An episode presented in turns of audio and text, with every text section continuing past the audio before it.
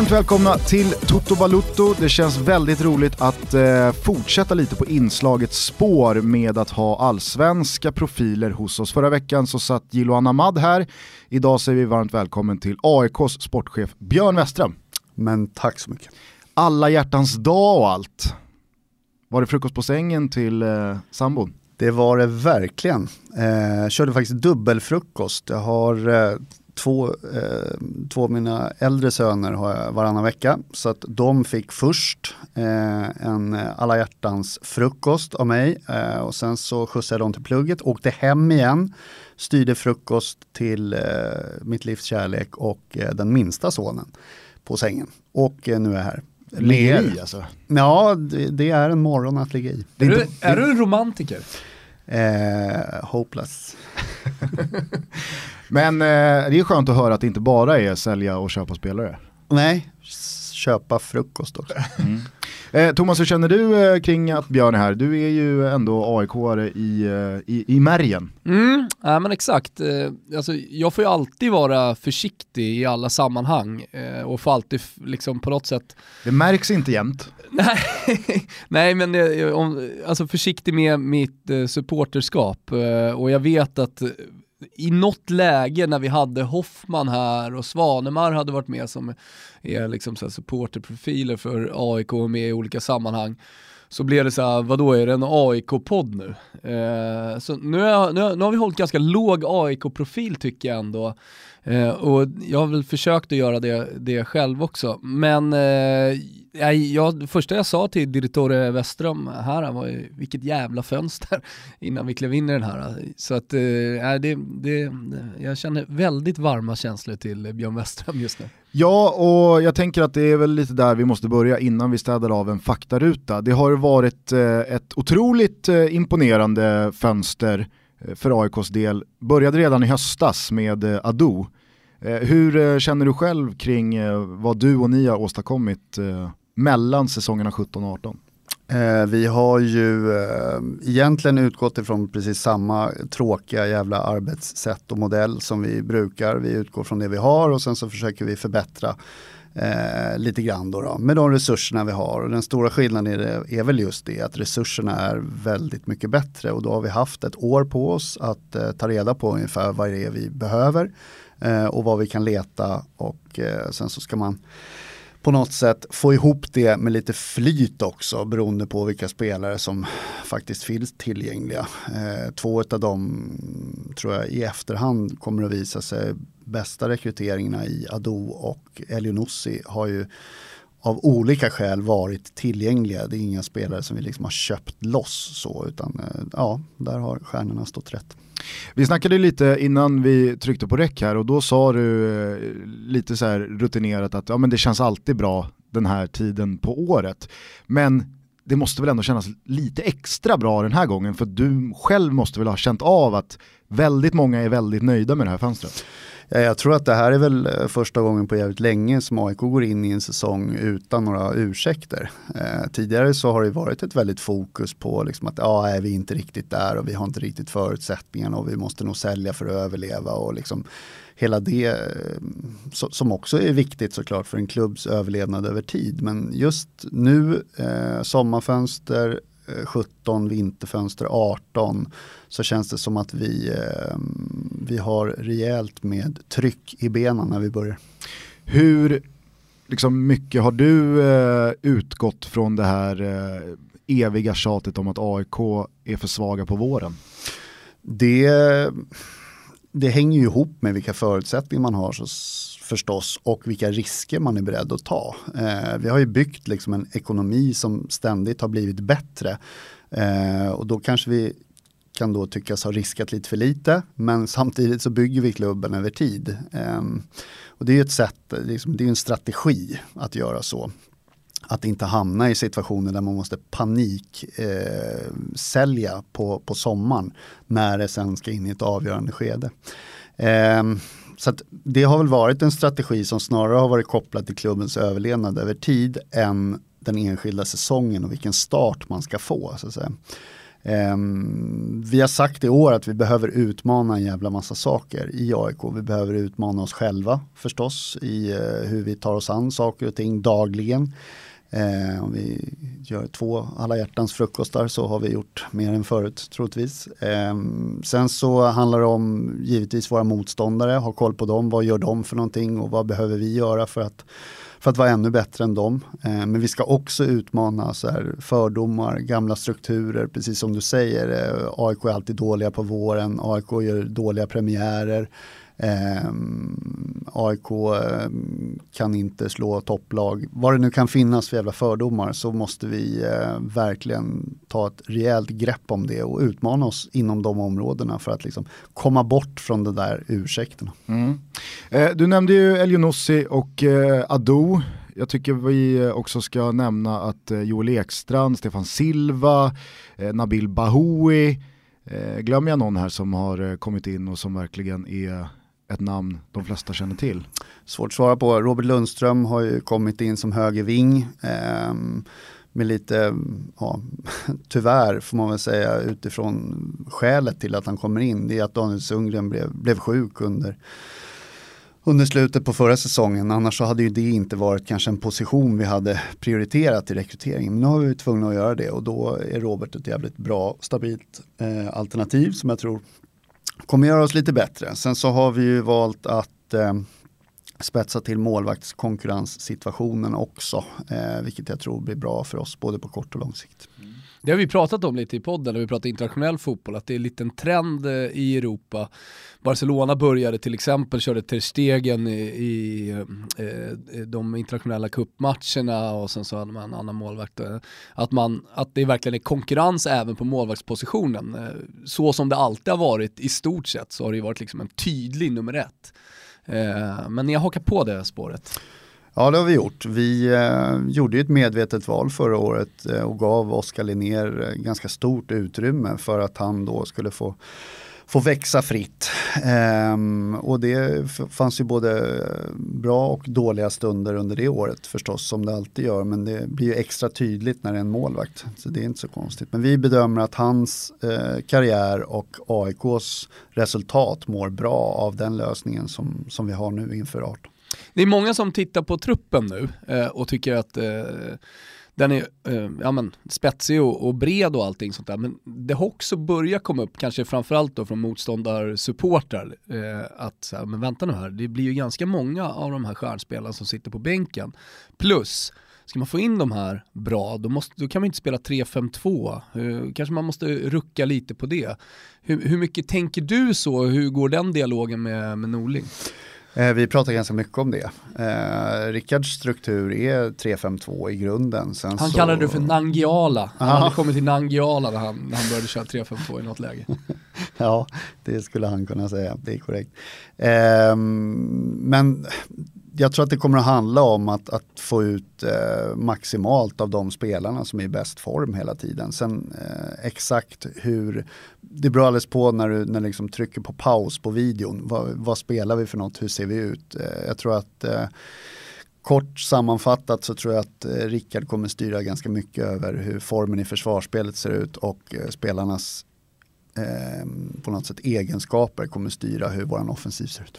Men sen så tror jag, på tal om det du sa här om målvakter, att man på senare år har börjat se internationella lag eh, som stärka upp där och ha två stycken jämnbördiga målvakter. Jag tycker ju dessutom att de senaste åren så har internationella klubbar visat att det inte längre fungerar så att man har en startelva och sen så har man åtta eh, inhoppare att välja på utan att man roterar och det sitter jäkligt bra fotbollsspelare på bänkar runt om i Europa också som får sina matcher här och där och sen så får man sitta några och det känns väl som att ditåt måste väl svensk fotboll också röra sig. Absolut, det tror jag definitivt i utvecklingen. Ehm, det kommer att vara väldigt namnkunniga spelare som sitter på våran bänk i, i år. Först nu i kuppen och sen så vidare in i allsvenskan. Och så, att, eh, och så måste det vara om vi ska liksom klara av och, spela i ja, de tre turneringarna som vi faktiskt eh, deltar i här eh, under ett år. Då, eh, då vet vi att det här blir ett, det här är ett litet lyxproblem i, i mars februari, mars där någonstans. Men eh, när vi går in i augusti och vi ska spela eh, både allsvenskan Euroleague-kval och eh, faktiskt en kuppmatch som brukar ligga där så är det för jävla mycket och då är vi väldigt, väldigt glada över att det där lyxproblemet finns. Jag pratade med Alexander Axén för en vecka sedan och han pratade just om det här att svenskar har någon slags låsning kring att allt utöver 30 matcher i allsvenskan är en enorm belastning och det är så sjukt mycket matcher. Svenska klubbar ska såklart också kunna klara av att spela 40-45 matcher på, på en säsong. Och det är väl också ett resultat av att ni, Malmö, en del andra lag har ganska breda trupper. Mm, precis, eh, och vi vill ju spela så många matcher det bara går under ett år. Så att, eh, då får vi ju se till att vi har en organisation för det och, och ett tränarteam som kan ta hand om en bred trupp och fortsätta utveckla spelare som inte startar varje vecka för att när de väl då ska in så, så ska det liksom inte vara någon större skillnad utan snarare tvärtom, det kanske ska ta ännu bättre fart liksom, när vi får in nya ben på plan. Du nämnde Sundgren här tidigare, hur mm. är status med honom? Eh, han tränar ju utan eh, så att säga, närkontakt. Eh, det, han det, äter blodförtunnande. Ja, precis. Vilket gör att man, man får inte hamna i allt för mycket dueller. Det är inget bra. Ehm, och, eh, så att han tränar på ett sätt som gör att han eh, har utvecklat sin fysik igen. Han är ganska ganska gott slag, eh, vilket känns jävligt härligt. Så att vi får se här, det är i eh, april någon gång tror jag som man ska utvärdera medicineringen och titta på. Det kändes det som att det gick eh, så, så, bra för honom. Eh, han liksom följde upp en jättebra säsong med en ytterligare en kanonsäsong och avslutade också förra säsongen otroligt eh, Eh, starkt. Eh, hur, hur, såg, eh, hur, hur, såg planerna ut där för, för Sundgrens framtid? Med AIK-hjärta och redan blivit lite legendarisk här på, på läktarna. Mm. Det är ju en, en, spelare som redan när vi tog honom så kändes det som en liksom, kulturbärare, en, en profil som, som blir väldigt lätt att liksom, ställa längst fram i ett AIK-led för att det är många som vill sluta upp bakom honom. Dels för att han jobbar jävligt hårt Eh, och sen så har han liksom också den historiken som han har med sin pappa som, som var väldigt, väldigt, väldigt framgångsrik fotbollsspelare och, och väldigt tydligt AIK-kopplad. Så det fanns många tecken som tydde på liksom att det här skulle kunna bli väldigt, en väldigt fin historia, vilket det också var. Eh, och därför blir den ju extra hjärtskärande på något sätt när, när det då är andra faktorer som gör att det blir ett ganska stort hack i skivan. Mm. Nu hoppas vi väl att det liksom eh, ska kunna reda upp sig i alla fall i, i slutändan och då, då är det väl så. Då är det väl bara en, ett, eh, ett väggupp eh, kanske, men det, det, är för tidigt att uttala sig om för, det. För mig kändes han som den, den självklara ersättaren till Nisse som trots allt blir gammal, nu kanske han fortsätter i tio år till bara för det, men men att ta över kaptensbinden och, och fortsätta på det spåret. Liksom. Ja, han har absolut den profilen, definitivt. Hur svårt är det att hålla isär eh, det personliga eh, spelare, sportchef emellan och det professionella sportchef och spelare emellan i en sån här situation när någon drabbas av en sån här grej som alla tycker såklart är helt bedrövligt och oerhört tråkigt och ledsamt men som till slut blir en sak att ta ställning till sportchefspelare emellan. Mm. Jag försöker bli så mycket, alltså jag försöker tillåta mig själv att vara så mycket människa jag bara kan i den här situationen. Eh, vi har ju tyvärr drabbats av lite sådana här situationer tidigare i klubben. Eh, eh, och lärdomen är att man får liksom inte eh,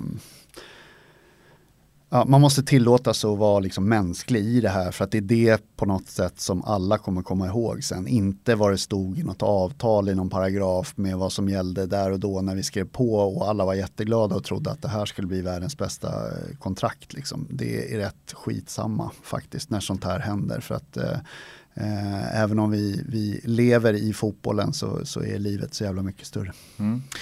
Du, jag är lite nyfiken på hur personligt involverad du är i eh, spelare in och ut från AIK. Alltså hur mycket eh, lägger du in i egen prestige i en värvning eller en försäljning? Eller är du bara en förlängd arm från AIK som klubb? Eh, det är en kombination tror jag. Eh, nu har jag varit i AIKs A-lag i, jag gör mitt tionde år. Eh, 2008 så eh, anställdes jag som chefscout av Ola Andersson. Eh, då jobbade jag med Ola och eh, Rickard som tränare. Eh, mitt första uppdrag var att ersätta Daniel Arnefjord. Hitta en vänsterfotad inneback var uppdraget. Det blev Joss Hojfeldt. Där började det.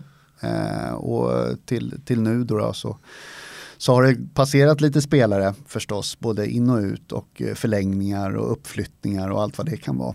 Eh, så det är klart att min kompetens inom området blir ju inte bara någon slags ehm, eh, kontraktsadministratör utan det är klart att jag måste vara skicklig på att värdera hur, hur ska vi kunna använda den här spelaren och hur kan vi förvalta hans egenskaper i våran miljö. Eh, det blir ju en del av min min liksom skicklighet. Och sen också att jag anställer folk som hjälper mig i den processen. Eh, så jag tror att det är en, det är en kombination. Eh, byter du ut mig så är det klart att AIK kommer fortsätta att köpa och, och sälja spelare. Det är inget konstigt alls. Eh, men eh, om det blir bättre eller sämre, det får framtiden utvisa. Men kan du uppleva en frustration kring att folk liksom eh, hänger dig och låter dig bära hundhuvudet för värvningar som typ Suleiman Kirpic? Nej, det är mitt ansvar. Kan man inte ta det i den här rollen, då ska man inte vara här. Det är väldigt enkelt. Eh, sen är det jävligt lätt att bli populistisk och säga vad var det jag sa. Absolut, så är det alltid, men det är klart som fan att det blir fel ibland. Absolut, det kommer det bli igen. Vad har du för eh, värvningar i eh, de båda ändarna av spektrat som du är mest nöjd med och som du är kanske mest förvånad över att det inte blev som du hade tänkt dig? ja du. Eh... Är Kirpic där och nosar? Ja, alltså där, det, det blev inte alls bra. Sen la vi inte sådär våldsamt mycket resurser på det och det är väl det som kan någonstans då irritera en lite grann. Att säga, jo, absolut, eh, jag tror inte vi la så jävla mycket mer än vad, vad Djurgården la på sina afrikanska forwards. Liksom. Men det slås inte upp till exempel. Eh, och det, det, är väl, det är väl som det är, då står väl vi på en större scen antar jag. Så det är väl så man får se på det. Sen var det väl också lite att Alexander Isak precis hade sålts för väldigt mycket pengar och alla förväntade sig att nu finns det ju, alltså den, den AIK väljer nu kommer ju vara ja, en riktig klasspelare. Och det är precis så man ofta tänker som supporter tror jag. Att så här, okay, man ersätter en ut, då är det en in och då ska han vara bättre än den som försvann. Så här, ja, mm, nej, jag vet inte. Eh, det funkar inte riktigt så eh, när man jobbar strategiskt över tid. Men eh, det är klart att det var rimligt att tro att de förväntningarna skulle finnas. Eh, och utifrån det så kanske vi skulle ha inte vet jag, presenterat det på ett annat sätt. Vi kanske skulle ha gett det liksom eh, tydligare, mm, en, en, tydligare förväntansbild som folk kunde förhålla sig till. Men skitsamma, han är, det blev värdelöst eh, och då agerade vi. Då gjorde vi någonting åt det istället för att sitta och tycka synd om oss själva. Så att, eh, från sommarfönstret så försvann han och då kom det in en del andra spelare som blev ganska bra. Så att, så är det. I andra änden då, en spelare som du har plockat in som eh blev liksom mycket, mycket bättre än vad alla hade kunnat ana. Alexander Isak. Jävligt lätt att säga, men, eh, ja, men det är det ju. Ja. Men, Eller kanske Daniel Sundgren. Äh, ja, precis. Det är, ju, precis. det är ju den sortens rekryteringar som är ja, liksom det svåraste att göra. Spelare som finns på en lägre nivå som eh, då kommer in på troligtvis liksom i nedre eh, lönespannet i truppen men som eh, presterar på ett sätt som gör att laget vinner matcher. Eh, det är jävligt häftigt mm. förstås. Eh, så att Daniel definitivt en av dem. Om vi backar bandet då eh, ett år när vi ändå nämner han. Hur var det den där vintern med Alexander Isak? Som sportchef och veta liksom att här sitter jag på någonting som förmodligen inte kanske kommer ske jättemånga gånger igen. Nej, eh, precis. Det är frågan om det någonsin sker igen. Eh, förstås. Så det, det, det, var ju en väldigt, väldigt speciell upplevelse. Eh, definitivt. De, de, stora besluten handlade ju mycket om liksom, strategier. Hur ska vi få ut max av det här? Eh, hur mycket hänsyn ska vi ta till olika saker? Vi valde ju att, liksom, eller jag valde att vara väldigt här, transparent mot spelaren. Försöka jobba tillsammans med honom och se vad, vad liksom är det för någonting som han är ute efter. För att affärer idag, ska man göra dem eh, och lyckas med dem, då måste man verkligen jobba tillsammans med spelaren och hans rådgivare. Eh, man kan tycka att så, ja, men det går ju bra att ha olika parter i det här så kan man försöka spela ut dem mot varann fast det kommer aldrig att funka. Men upplevde du en press där och då eller kändes det bara inspirerande att det här, det här, det här kommer bara bli kul för alla parter? Alltså de alternativen som, som tonade upp var ju bara kul. Mm. Vad var det för alternativ nu igen? Eh, vi eh, förhandlade med eh, Dortmund, med Real Madrid och eh, sen hade vi en eh, försiktig kontakt med Barcelona. Nej. Ja, klubbar. Men fan på tal om försäljningar till Real Madrid, det måste jag nog ändå hålla som din, alltså som den, eh, den spelartransfer som jag tycker är liksom mest otrolig. Det är ju när Eero Markkanen mm. går till Real Madrid. Ja när du får det första samtalet eller mejlet eller vad det nu var, mm. undrade du om det var dolda kameran? Ja. Du jag, gjorde det? Jag sa det till honom, men det var José Angel som ringde som då är vd för Real Madrid, han har varit det i 15 år tror jag. Eh, jag höll på, vi skulle flytta från eh, Filmstaden, eh, gamla Råsunda där, där jag bodde, så jag stod och frostade av frysen. Då ringde det ett spanskt nummer och då var det han som ringde och jag sa att så här, jättekul men du får börja med att skicka ett mail så, här, så, att jag fattar vem, att det är du som är du. Och då började han skratta och sa fan Faxa med stämpel det här, och alltihopa. Precis, det här händer mig jämt. Så han sa, ja jo, det, kämpa. Så, ja. så att eh, det är klart att det var ju overkligt på många sätt. Men eh, alltså, förhandlade du upp priset eller tog du bara, tog du bara vad de erbjöd? Nej, vi fick upp priset. Det tycker jag absolut. Eh, det var ju ehm, det var ju en speciell situation. Vi, det är alltid så att om man får lite bakgrund till hur det, hur det ligger till, då vet man ungefär hur, man, hur hårt man kan trycka. Och i det här fallet så var det ju Zidane som ville ha Markkanen. Det var väldigt tydligt, det var han som hade upptäckt spelaren. Eh, hur? Ja, Y-scout? Typ så. Eh, videoscoutat och eh, när Eero gjorde det här målet mot Djurgården eh, så liksom gick det. Det är så jävla intressant det där med du vet, ett mål, jag kommer ihåg Linus Hallenius när han gjorde van Basten målet, helt plötsligt så var halva Europa ute efter honom.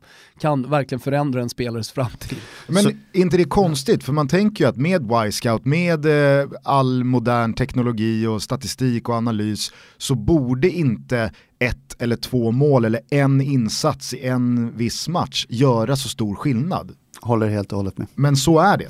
Så var det i alla fall. Eh, vi har väl en, vi har ett eh, vi har en eh, arbetsmodell där vi tittar på en spelare tio fulla matcher. Eh, mm. så. Varje ny spelare som kommer in ska vi ha sett tio fulla matcher och har du gjort det då har du sett både fördelar och nackdelar med spelaren. Det är våran, våran tro i alla fall. Eh, så att ehm, vi hoppas att vi städar bort det där eh, känslomässiga i den perfekta liksom, utförda eh, momentet. Vill ändå hävda att eh, Linus Alenius var riktigt vass en höst i Padova när han var utlånad i Serie B. Då trodde jag ändå så här, nu, nu ska du flyga. Du är en av få som ja. står på barrikaden. Jag är också en av få som såg de matcherna. Väldigt en av få, ja absolut, minoritet. Är det någon annan eh, transfer ut från AIK som eh, du minns här, lite extra? Ut från AIK? Eh, som du inte riktigt eh, räknade med?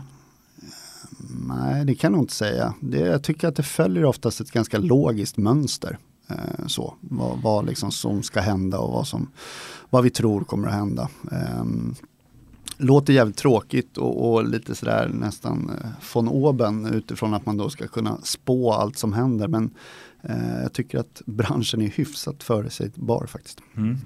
Eh, det är nog inte många som eh, följer AIK som eh, missade att du för eh, några veckor sedan var på träningsstarten på Skytteholm sa liksom att vi ska ikapp de där ljusblå, var det jävlarna? Ja, tänker att jag sa det. Ja.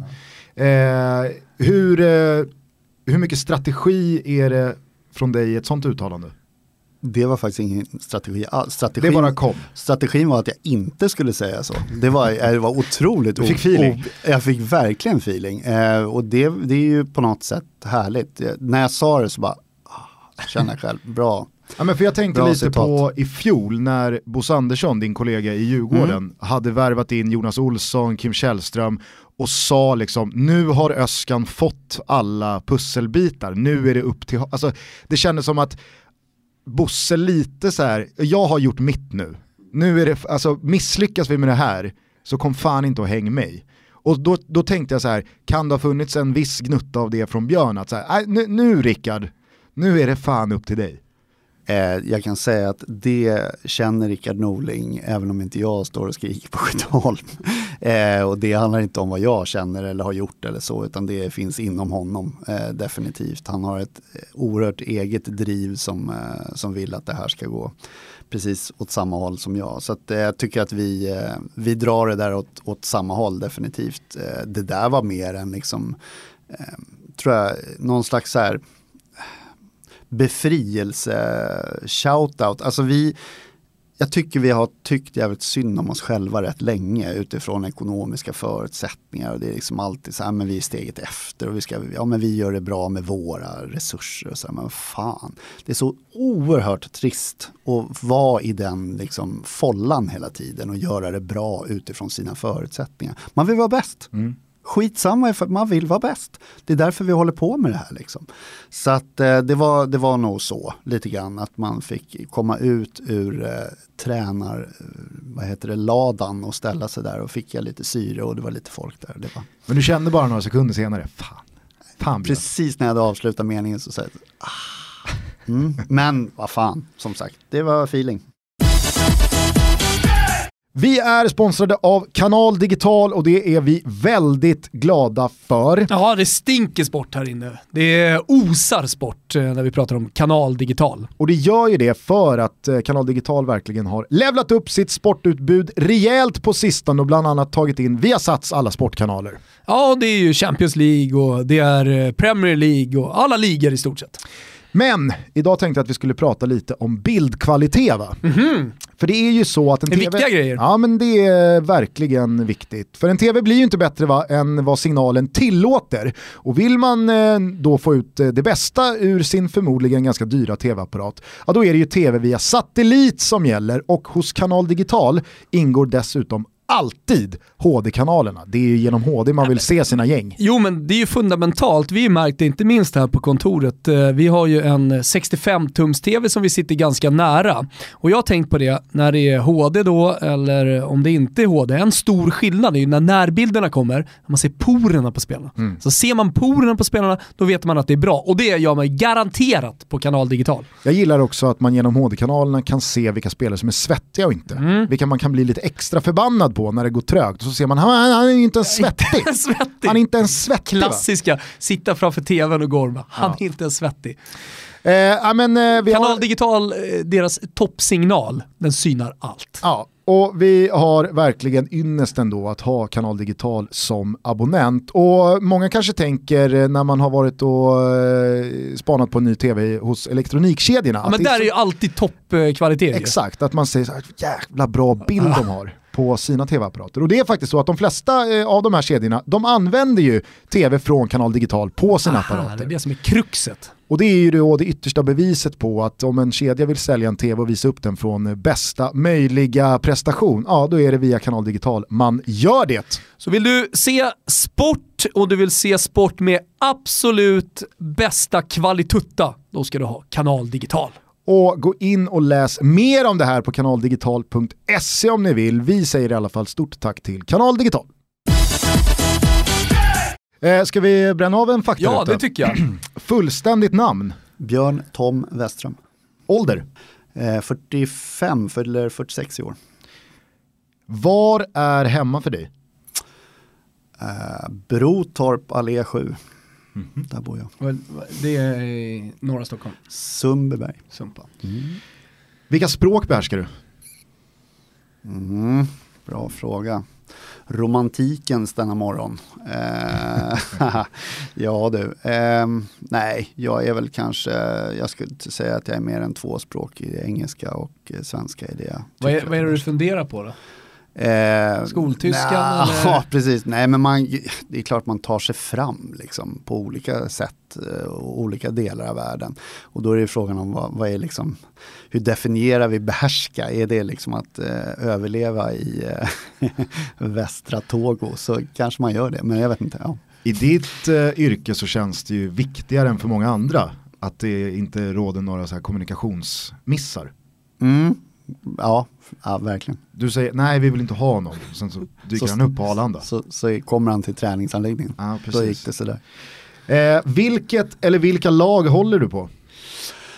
Jag kan nog bara säga att jag eh, har liksom hållit på lag som jag har arbetat i. Ehm, jag har eh, representerat två klubbar, bara, bara en klubb som arbetsgivare, det är AIK. Sen så var jag i Väsby en, en, ett år. Eh, men det var, då var jag anställd av AIK. Så att eh, AIK och Väsby håller jag på. Kämpigt för Väsby-supportrarna idag. Eh, vi är få. Ni är få men ni när fortfarande Ja. drömmen om att Jag en- tror att det är typ en jag, jag och Thomas Men- Thulin. Har du, men du, när, du, när du var yngre och sånt där, har du följt något lag i andra ligor så att säga? Det brukar Eh, finnas något engelskt. eh, Ja, precis. Jo då, men jag, som, som du säger, som alla ungdomar så har jag nog följt liksom, de stora ligorna sådär. Men jag har aldrig gått all in med, med liksom halsduk. Vi eh, brukar ju eh, ha en del gäster här som kommer lite från samma bransch som oss, alltså nämligen det, det mediala och det är kommentatorer och det är journalister och vad det nu kan vara. Och där pratar ju väldigt många om att jo visst, jag håller på ett lag och jag har ett favoritlag, men jobbet gör att det där vattnas ur för varje år som går. Alltså man, man är så mycket i jobbet att eh, de riktiga supporterkänslorna trappas av along the way. Har det varit så för dig också att ditt jobb i AIK har lite släckt lågans alltså av supporten? Eller är du fortfarande väldigt mycket supporter? Oh, det kommer inte jag kunna svara på tror jag förrän jag lämnar AIK. Då tror jag att jag förstår det, vad, vad, vad tiden har gjort med mig eh, på något sätt. Jag eh, hade liksom så här norra kort 92. Eh, det kanske jag inte kommer att ha igen. Du har alltså bevittnat Borken göra 100 armhävningar i mittcirkeln som uppvärmning. Till exempel. Det är det bästa, Alltså, det fick, bästa jag vet med fick vi inte en uppdatering på Borken? Är han Ja inte... men han har, han, har, han har blivit frälst. Har du hört det? Halleluja. Nej, Jo visst, du. nykterist och eh, börjat köra eh, qigong och släppt allt. Och, Är, han, är, han inte, är han inte i något tempel någonstans? han, han, eh, enligt de uppgifter jag har så har han varit i Indien ganska mycket senaste tiden. det känns som att den här skrönan liksom bara växer. Vi ska- Nej, men vi, vi gjorde vårt eh, hundrade avsnitt i eh, vintras på Oscarsteatern och då hade jag idén att hela liksom, showen skulle börja med att Borken gjorde 100 armhävningar på scen. Bra idé ju. Mycket bra. Men när jag började då liksom dra i de trådarna så stötte jag på patrulltid att nej, alltså, Borken är helt, helt förändrad. Det, du kommer aldrig få någon... den han når har- inte dit där han Ja, exakt, det är lite såhär Ted Gärdestad, eh, Ja. bara släppt allt.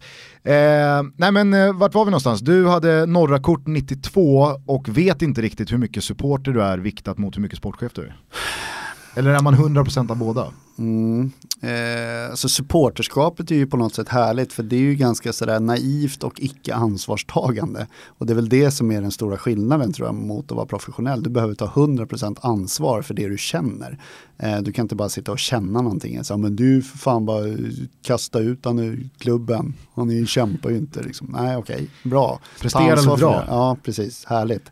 Eh, så att eh, det är ju den stora skillnaden för mig, alltså det professionella i det. Så att eh, det, den dagen eh, som jag backar ut från AIK eh, av ett eller annat skäl så eh, kommer jag att märka det. Jag känner Tor Christian Karlsson, vet du om det är? Mm. Norsk sportchef. Mm. Han eh, gick ju sportchefsskola i Italien på Coverciano. Jag tror att det är den enda så här sport, sportchefsinriktade utbildningen som man kan gå. Och sen så gjorde han Sankt Petersburg, han varit i Monaco och nu är han väl i det här storsatsande Start. start. va? Eh, har, har, har du eh, liksom närt några drömmar om att göra internationell karriär också? Jag träffade honom, var inte han i Israel i Jo. somras? De ville köpa Ofori. Ah, Så jag träffade honom i den eh, Lång. vevan. Ja, bra gubbe. Mm. Vä- vä- vä- vänta nu. Ofor i somras? Vad hade du att säga till om då? Uh, inte i somras, uh, sorry. När, när, Eller har nej, jag sniffat upp att uh, liksom AIK ägt och får hela vägen? Det är fan helt rätt, det var fan snö kommer jag ihåg nu när du säger det. Vi träffades på uh, Radisson på Centralen mm. där han bodde. Och jag pulsade dit kommer jag ihåg. Mm. Så det, det, var inte i somras, även fast vi säger. Med internationell eh, sportchefskarriär då? Eh, ja, varför inte? Ja, det är klart att det här är ju ett, ett, jobb också. Så är det och vi behöver tak över huvudet och mat på bordet. Så att eh, den dagen som, som drömmen eh, är slut eh, så måste man göra någonting annat och då kan det mycket väl vara en, en utväg. Det finns ju också bevis från AIK som har liksom visat att det är möjligt. Jens T. Andersson landade väl i Hajduk Split. Stämmer. Eh, det var ju märkligt. Alltså jag, jag menar ju mer landa Bundesliga eller du vet, i någon holländsk klubb. Fast att som svensk bli sportchef i Hajduk Split. Jo men det var ju märkligt. Okay. Mer. Ja, ja. Eh, jo, jag undrar så här. Eh, i, I den här eh, relationen sportchef-supporter, både inom dig men också de facto att du är sportchef och du eh, handskas med ett väldigt stort tryck från supportrarna. Finns det någonting supportrar och supporterskap har lärt dig i ditt yrke som sportchef i AIK? Mm, att man tror... behöver liksom ta hänsyn till eller tänka om? Och... Jag tror att det har lärt mig en hel del i kommunikation. Alltså hur vi kommunicerar och på vilket sätt och så. För att, eh, nu ska vi kappa de ljusblå jävlarna. Exakt, det var ju rent utav eh, retorikerskolan. Rätt i krysset bland. Exakt, ja det var det nog säkert. Eh, och det var väl supporten i mig då, då som fanns där någonstans. Eh, men jag tror att eh, det är väl så. Att kommunikationen på något sätt, att man, man lär sig hantera ytterligheterna mellan börsregler och gnagarforum. Mm. Finns det någonting du vill lära eller har lärt supportrar? Oj, eh, min förhoppning är att vi har lärt eh, supportrarna att AIK är ett topplag. Ja. Det, det, är en jävligt häftig känsla. Eh, det är många som på något sätt inte uppskattar det i vardagen tror jag i, i förhållande till att det på något sätt eh, allt som inte är guld är fult på något sätt men det finns fan i mig grader i himlen. Jag har eh, umgåtts väldigt tajt med väldigt många AIK senare år och det, det, finns ju lite så här två läger. Att vissa är ju så här att men jag tar hellre guld var femte år eller var fjärde år och så kan det gå åt helvete så länge man håller sig kvar i allsvenskan då. Eh, de andra tre åren. Och så finns det några som liksom är på spåret som du kanske nämner här nu att ja, men man är jämnt topp tre, eh, snarare topp två.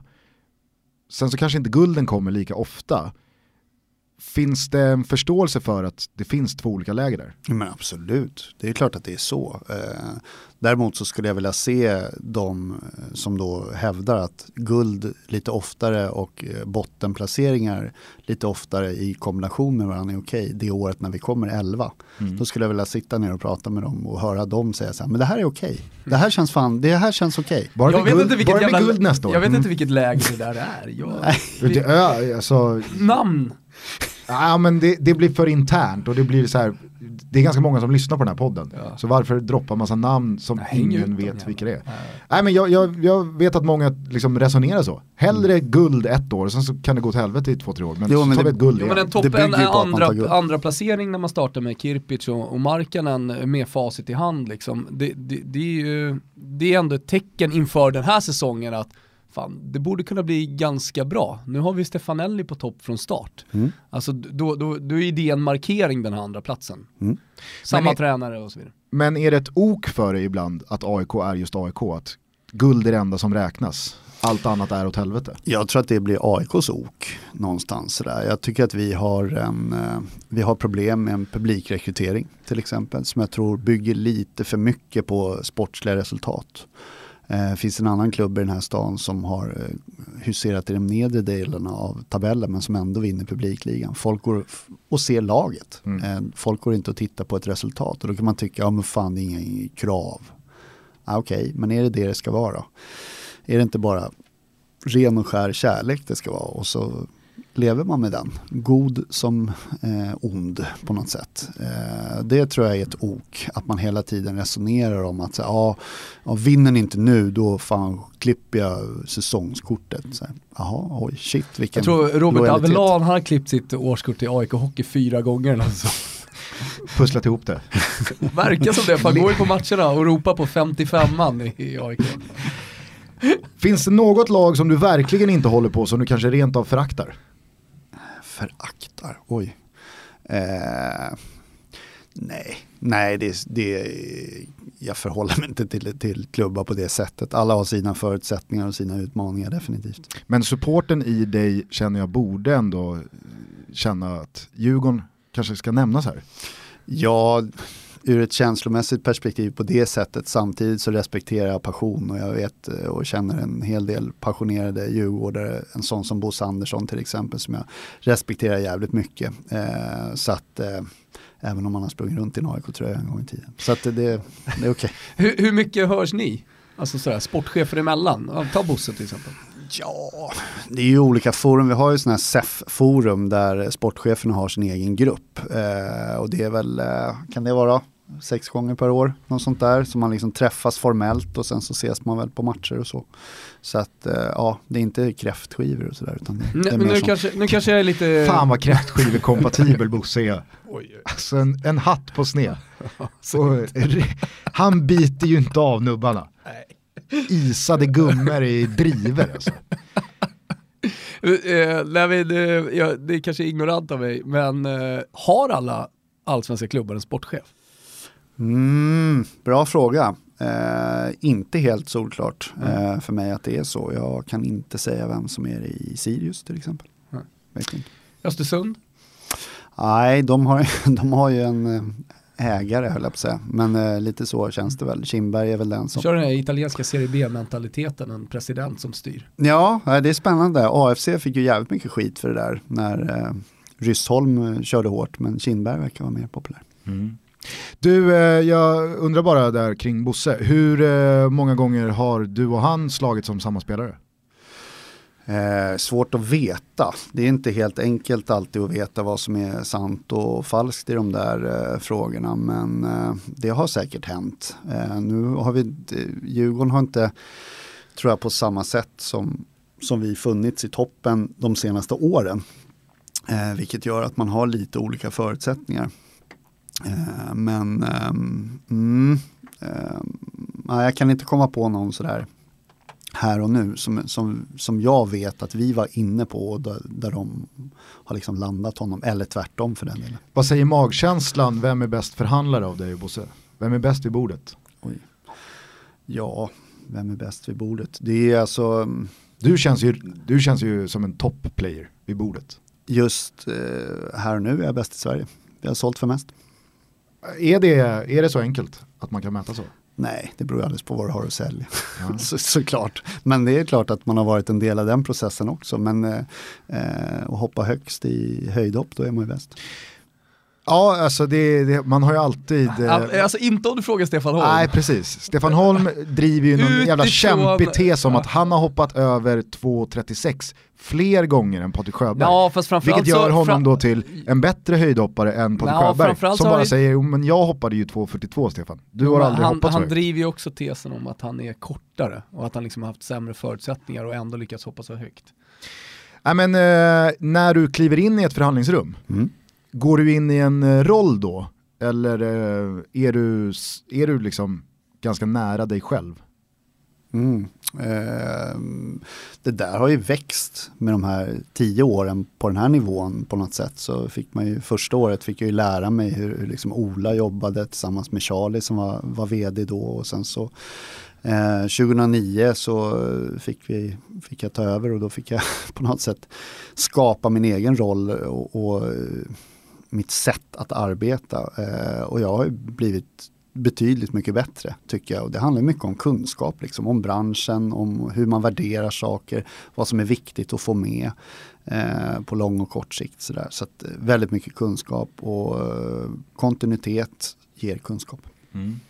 Eh, jag tänker lite på den där inför 2010-videon som eh, sattes ihop när du var Don Björn Westström och satt som gudfadern och sådär.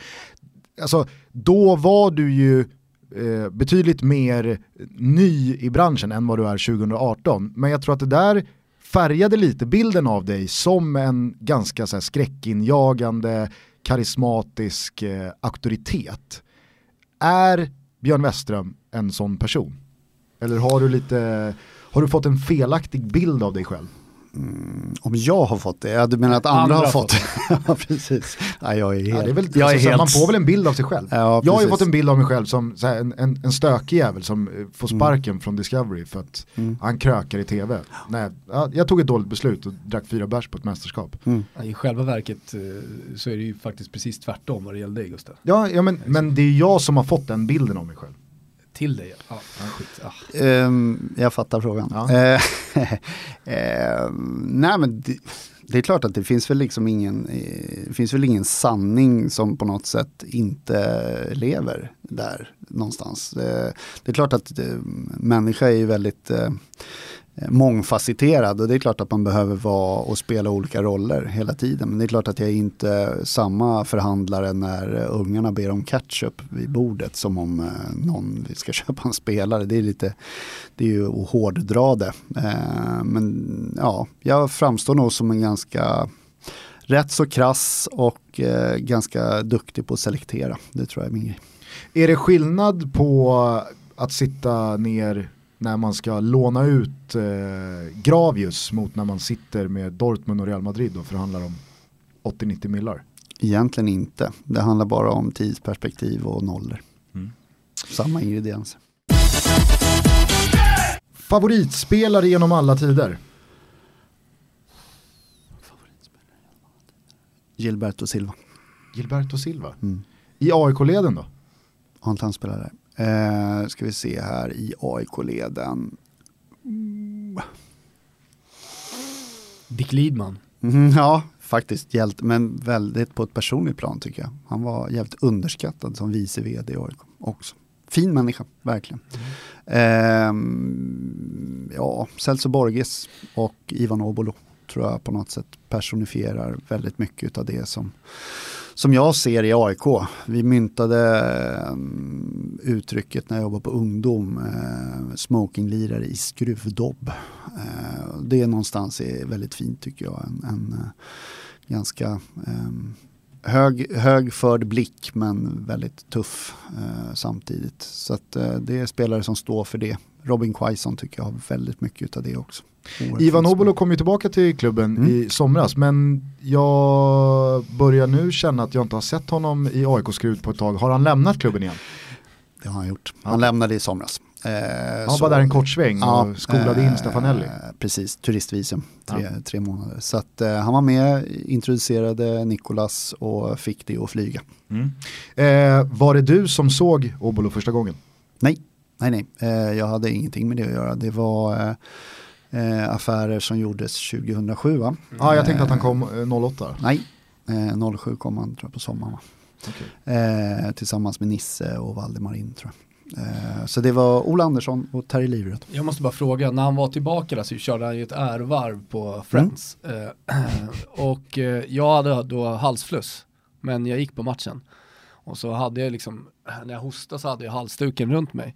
Sen vet jag inte, jag bara fick feeling när han kom bort till familjeläktaren. Och han gick utan halsduk, jag tyckte det kändes dåligt. Så jag gav halsduken till honom och han la den runt halsen sådär.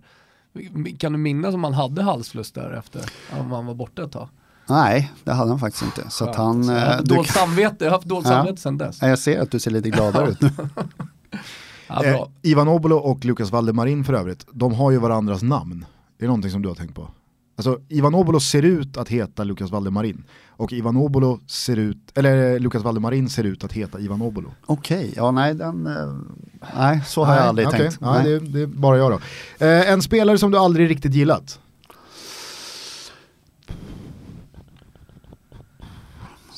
Oj, oj, ja. Um. Hmm. Fan vad, ja det kan jag säga så här, sitter det så här långt in då är det ju inte, då finns det ju ingen där. Men så om vi säger så här då, alla dina år eh, liksom verksam i AIK så måste det ha funnits någon spelare som ni har mött i allsvenskan gång efter annan som är jobbig att möta. Det behöver ju inte vara att man inte gillar honom men Nej, jag förstår hur du tänker, men de vill man ju helst ha, tycker jag. Alltså de spelarna som jag tycker är sämst om i motståndarlaget, de vill jag ju helst ha hos oss. fast vill, vill, Ja. vill du ha en Marcus Rosenberg? Ja. vill väl inte AIK? Hans egenskaper, absolut. Det är en fantastisk spelare. Alltså verkligen.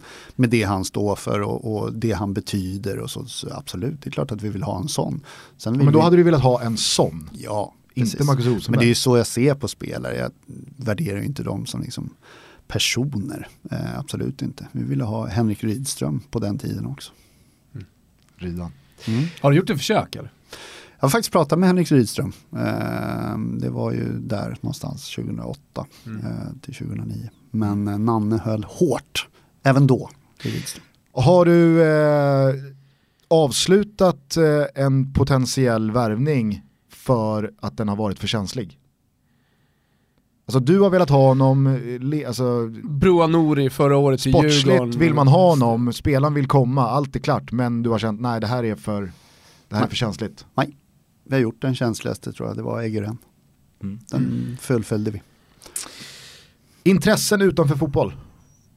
Mm, ja, bra fråga. Intressena rör sig liksom på ett väldigt så här, socialt plan i umgänge kring mat och dryck och musik och så. Skulle jag säga. Det känns som att du har snäppat upp dig de senaste 5-6 åren vad gäller mode och Jaha. kläder. Okej, ja. Ja, Men man växer ju till sig. på Liksom. ett positivt sätt alltså. Ja men det var snällt. Ja.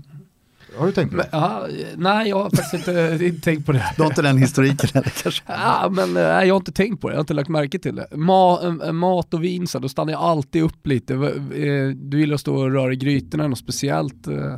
Oj, ja. Jag är, ju, jag är ju en riktig supporter, det vill säga glad amatör vad det gäller, vad det gäller sånt. Men jag liksom, ja, uppskattar det goda i livet. Favoritvin?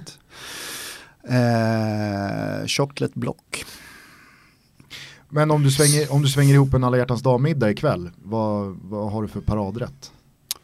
Hmm, paradrätt. Ja du, eh, då skulle vi nog köra en, eh, men då får vi tända upp grillen och sådär. Då har de sydamerikanska spelarna lärt mig hur man grillar picanha. Eh, det tycker jag är fruktansvärt gott. Fan vad man älskar sydamerikanska fotbollsspelare som var de än hamnar i världen, det ska grillas. Det ska Framförallt fan grillas. argentinare. Eh, Liksom Asado-grejen, Mm. det, det, det är självklart. Mm. Finns det någon person utanför fotbollens värld som du ser upp till? Ehm. Eh, bra fråga. Ser upp till. Det är också, det är också en, en, det är ett svårt förhållningssätt eh, tycker Jag vet inte fan om det är en bra fråga för att Nej. nästan alla gäster reagerar så här så känner jag att den hänger lösare och lösare för varje gäst varje gång. jag säger efter varje avsnitt också, fan ska du, ska du verkligen köra den där vi- Nu är vi där igen. Ja, mycket att klippa bort. Disco, disco svarade i alla fall eh, Göran Persson. Ja. Det är enda gången den frågan har liksom så här. Det är enda gången han har Flugit. nämnts. Och var, varje gång vi pratar om den här frågan, varje gång vi ställer den här frågan så pratar vi om att disco valde Göran Persson. Det Ja. säger. Ja. Något om disco Ja, kanske. ja, men du kanske rent av passar på den. Eh, ja, alltså utanför fotbollen. Det, är ju, det här jävla jobbet gör ju att man lever i någon slags fotbollsbubbla. Eh, så det blir väldigt lite annat så. Men eh, ja, här får vi säga Leif Mannerström då. Oj. Vill du ibland kliva ur den bubblan? Eller vill du bara vara i den bubblan? Nej, jag är i den bubblan. Eh, och så länge jag får vara i den så är jag väldigt, väldigt tacksam. Din fetaste fotbollsupplevelse någonsin? Eh, det blir svårt att inte säga Ullevi eh, 2009. Vad minns du av den dagen? Vad är det liksom det första som eh, ploppar upp när du tänker tillbaks på den där eh, guldmatchen mellan Blåvitt och AIK 2009? Det är två saker. Dels så är det den euforiska känslan när, när eh, domaren blåser av. Men sen också vilken otrolig tomhet det blir så väldigt snabbt. Att man liksom säger, jaha okej, oj hoppsan. Va, jaha, vad nu då? Jag kom på att man kan fan inte bli mer än glad. Det finns liksom inte så mycket mer än så. Man tror ju liksom att så här, men nu ska man gå runt och vara glad här i 12 månader och bara dra nytta av det. Men så funkar det inte. Eh, så det, det var två väldigt så här, tydliga känslor att man blir först glad. Och gladare än så blir man inte, det kan jag meddela. Och sen när du har varit det, då blir det så här, hopp, okej. Okay. Hur, eh, alltså, hur stor del i ett guld känner man som, eh, som dig? Väldigt stor del. Är du, arbetar du i, eh, i och kring laget eh, så, så har du en väldigt stor påverkan och väldigt stor del. Så att det där snacket om att det skulle vara någon annans förtjänst att säga ja men det där guldet grundlades då och då, absolut. Det är klart att det var så, men eh, det är inte så att spelarna hade kunnat liksom samlas med pappkasse i matchtröjor och sen så spela själva 2009 och fixat det. Det Nej. tror inte jag. Med åtta års distans, eh, tänker man fortfarande på alltså, 2010? Är det en slags taggsäsong i dig? Mm, ja, mer förberedelserna. Eh, sådär, sådär, hur, hur resonerade vi? hur jävla naiv kan man vara när man liksom byter ut en hel central linje utan att egentligen göra någonting och så tror man att den verksamheten man bedriver är så jävla fantastisk. Så och så den... på det skicka ut kampanjen kom och ta oss. Och... Precis, men vad fan skulle vi ha gjort? Vi vann allt. Jo, jo absolut. Varenda, jag, derby, jag... varenda titel, vi vann allt. Så mm. vad fan ska man göra? Antingen så säger man så här, ja, eh, nu ska vi försöka vara bra. Eller så försöker man spänna bågen ännu hårdare. Eh, och ja, jag skulle gärna göra det 2019 igen. Mm. Vad minns du från, var du på plats på Ullevi? Eh, nej det var jag inte. Mycket Italien där. Eh, så just, just där kring SM-guldet så, så jobbade jag i Italien. Så tyvärr. Vem från fotbollsvärlden hade du helst delat en flaska vin med? Eh, José Mourinho. Varför? Eh, mytisk på något sätt, omspunnen sådär. Eh, ja, för att djupa lite. Vi eh, i den här studion börjar ju uppleva att liksom Mourinho håller på att långsamt, långsamt fejda ut från cutting edge av fotbollen. Och det är kanske då det är som mest intressant att dricka det där vinet, tänker ja. jag. Eh, faktiskt. Rickard Norling brukar säga att det är när man får sparken som man troligtvis är som bäst. Eh, det ligger något i det, tror jag. Det ligger någonting sunt och sant i det. Så att det vore intressant. Kanske vi ska börja anamma i sägningen kring oss. Ja. ah, men det är som Rickard Norling en gång sagt att när man har fått sparken, det är då man är som bäst. Har du suttit ner med några stora profiler från fotbollsvärlden och samtalat? Och... Ja, det kan man väl kanske ha gjort. Eh, jag sa ju Gilberto Silva som, som då någon slags eh, favoritspelare utifrån egenskaper framförallt. Men han hade förmånen att träffa när vi mötte Panathinaikos eh, i Euroleague. Då åt vi lunch. Mm. Sånt är trevligt. Men eh, är det då, alltså, spillde det över på hur du minns honom som spelare? Eller varför fastnar man för Gilberto Silva när man heter Björn Westström? Eh, ja. Svårtippat val. Ja, kanske. Men eh, ja, jag vet inte. Det, är, det är någon slags eh, total dominans som spelare som man har, tror jag, som, eh, som lite sådär defensivt balanserad mittfältare så eh, kan man bidra med väldigt mycket som är viktigt för laget. Mäktigaste numret som du har i din telefonbok? Känns som att du sitter inne på en riktigt bra telefonbok. Mm, mäktigaste? Ja, nej, ja, vad skulle det vara? Kanske, ja, det kanske är vdn i Real Madrid. Han är rätt, han påverkar en del. Ja. Känns som att Lennart Johansson också kan få en del att hända fortfarande. Ja, han är ju så här, han har ju hemnummer. det är skitgulligt. 08. ah, Lennart. Är du tatuerad? Eh, det, det där är ett ja. Ja, det är det ingen stolt. Vad har du för gadd? Du, du slår ändå, alltså, när vi ställer den här frågan så ja. sitter jag ändå med den sämsta gadden. Så att det, vad du än säger så slår det till mig. Jag har en brax på ryggen. En brax, ja, ja, ja precis. Ett försök till en vit haj med alla sin Precis, brax. jag tror jag var något sådär ja, jag var nog inte 18 men jag var där någonstans. Vi körde någon bil, bilturné på, på Irland, jag och en polare. Och då gjorde vi någon, någon slags irländskt mönster på ryggen. Som jag kanske inte hade valt till dem. Vad var det Åslund hade? Han har en tribal bara. Ja, Han i svanken. Liksom text, textbook tribal. Eh, snyggaste fotbollströjan genom tiderna? Jaha. Eh, det är ju frågan om det. Snyggaste, det där... Här bollar jag ju vi- upp en jävla smash Ja, för dig med ja. tanke på hur jag ska- hyllade jag era ska nya precis- ställ har blivit. Jag ska precis komma till det. För att, eh, det är ju en sak att vara snygg på liksom, eh, webben eh, i, i en eh, fotad miljö. Och sen är det inte lika säkert att det gör sig svinbra med underställ under på Vikingavallen i Frej, Nej. mot Frej. Många Eh, matchtröjor som har fallerat. fallerat på Vikingavallen. Verkligen. Eh, så att, eh, men, men ehm, idémässigt och eh, rent eh, estetiskt så är nog den eh, all black-tröjan som AIK har släppt den snyggaste jag sett. Jag måste säga att eh, även fast jag inte är helt såld på tröjorna i sig så tycker jag att de här eh, lagfotorna som har tagits när AIKs startelva är uppställda på det här liksom 118 år gamla sättet. Eh, och så ställer man de eh, bilderna bredvid varandra och så har man ju photoshoppat de här Ja. bilderna så att de ser äldre ut. Det, det var ju faktiskt jävligt mäktigt. Mm, håller med. Och se liksom att det är så lång tid emellan men det är samma klubb, man ser likadana ut. Och... Vi det var tränade alltså på lagfoto dagen innan matchen mot eh, Interåbo på Skytteholm. Eh, för att det här lagfotot då, av någon jävla anledning så skulle det tas precis innan avspark, vilket jag kan så här, efteråt tycka var lite märklig prioritering. Men hur som helst, det var inte så konstigt att vi var rätt sopiga första 20 där kanske. Eh, alla sprang ut med lösmustascher. Eh, då tränade vi på lagfotot dagen innan. Var det någon som var kass? På träningen. Ja, på, på lagfototräningen. Eh, Som verkligen inte fattar det. Bara, Nej. Kom igen nu Sundgren, du ska ställa det där. Faktiskt, nej förvånansvärt bra inlevelse måste Okej. jag säga. Imponerande. Det säger någonting också om att det är mot Interob och man gör en sån grej. Alltså de, de är där i näringskedjan. Okej, vi, kommer, vi kommer behöva träna på ett lagfoto här innan er match. Det- Är det obligatoriskt att möta finska lag på försäsongen?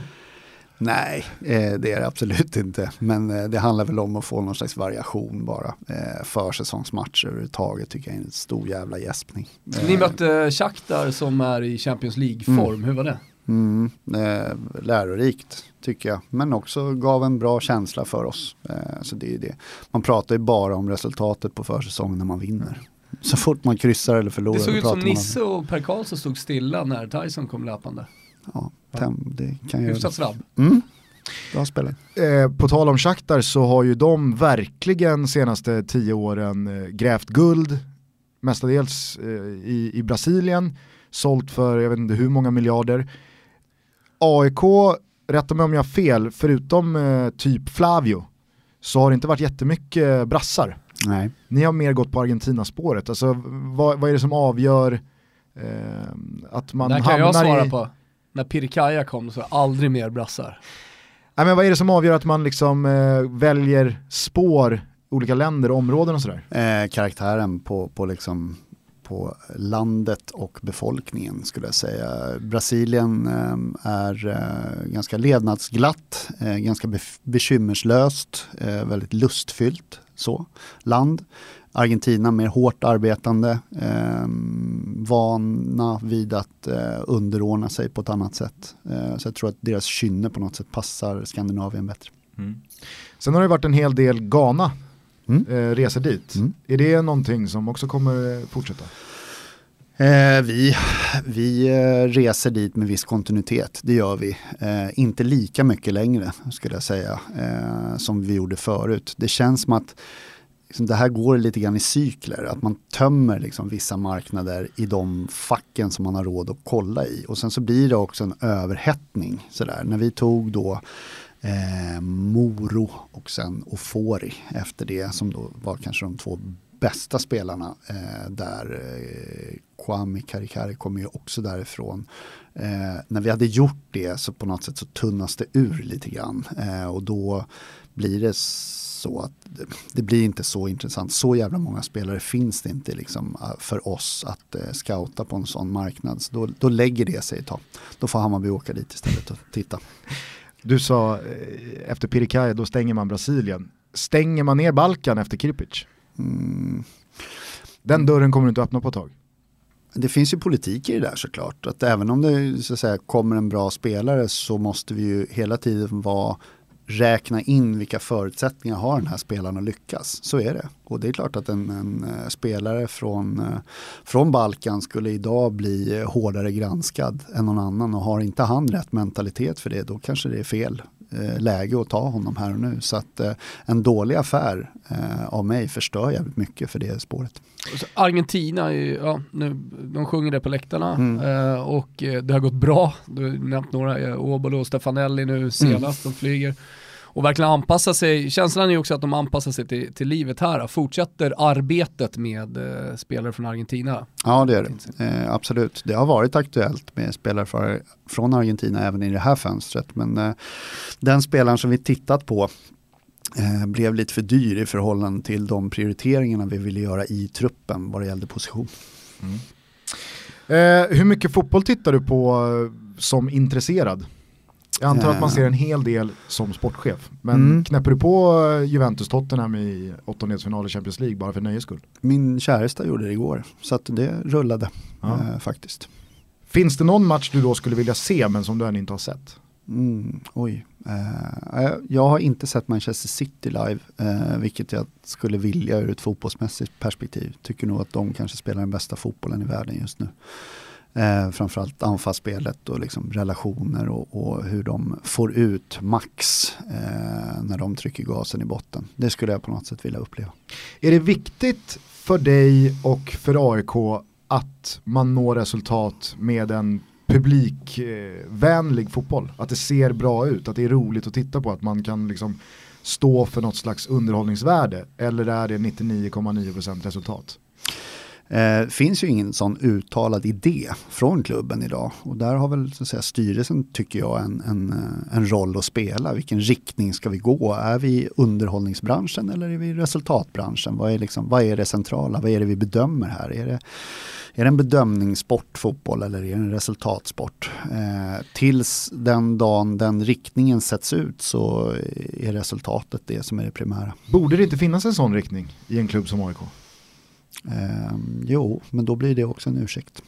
Ja. Jag tänker bara på att liksom så här, det, det är ju ofrånkomligt idag att så många eh, tycker till och har så mycket att säga till om och kanske det, ja, men som du säger, klipper årskort, eh, man kanske inte går, visst resultatet kanske kommer, men hur kul är det att se på det här laget? Och nu pratar jag inte om AIK specifikt, utan att det finns lag som kanske når helt okej okay resultat, men det är inte speciellt roligt eller vägvinnande. Och så finns det lag som spelar en mycket mer attraktiv fotboll. Och så finns det saker att utvinna av det, inte bara resultat.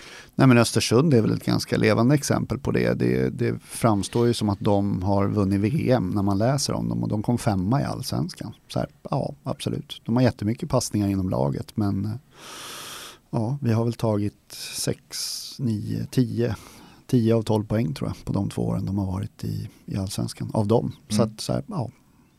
ja.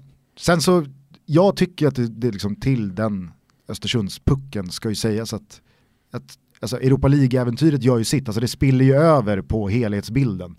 Eh, och så kanske man eh, använder lite oförtjänta superlativ även kring deras allsvenska eh, uträttelse. Jag vet inte. Eh, men Manchester City live, okej. Okay. Eh, sista frågan på faktarutan. Om du inte får svara Lionel Messi eller Cristiano Ronaldo, vem tycker du är världens bästa fotbollsspelare idag? Dybala. Bra svar. Tack. Vi är väldigt glada att Betsson är med oss även den här veckan. Europakupperna är ju igång och för er som eh, var snabba på knappen så kunde ni glädjande nog räkna in fyra kassar av Manchester City borta mot Basel. Jag har ju ett överspel då på Manchester City Bayern München och Liverpool, att de tre lagen tillsammans ska gå över 15,5 mål i sina sex åttondelsmatcher. Så det var en bra start, onekligen. Ja, ruggigt bra start och det här fortsätter nu. Mina spel, eh, nu spelas eh, det här avsnittet in på onsdag, men de kommer i Europa League-omgången. Eh, så de som hör det här avsnittet på torsdagen, de har ju fortfarande chansen att haka på. Precis, eh, in och rygga hittar ni på Betsson under godbitar, boostade odds, Toto-trippen. Precis, men i det här avsnittet fokuserar vi på helgens tripplar och det är ju en liten speciell helg för oss. Vi ska till Tyskland med mm. Eh, Grand Frank-gänget och således så har du självklart valt att eh, backa Die Roten Hosen. De vann ju över kusarna i fjol mm. på hemmaplan. Så jag tänker att de borde kunna göra någonting liknande. Det blir ju en tuff match, det är helt övertygad om.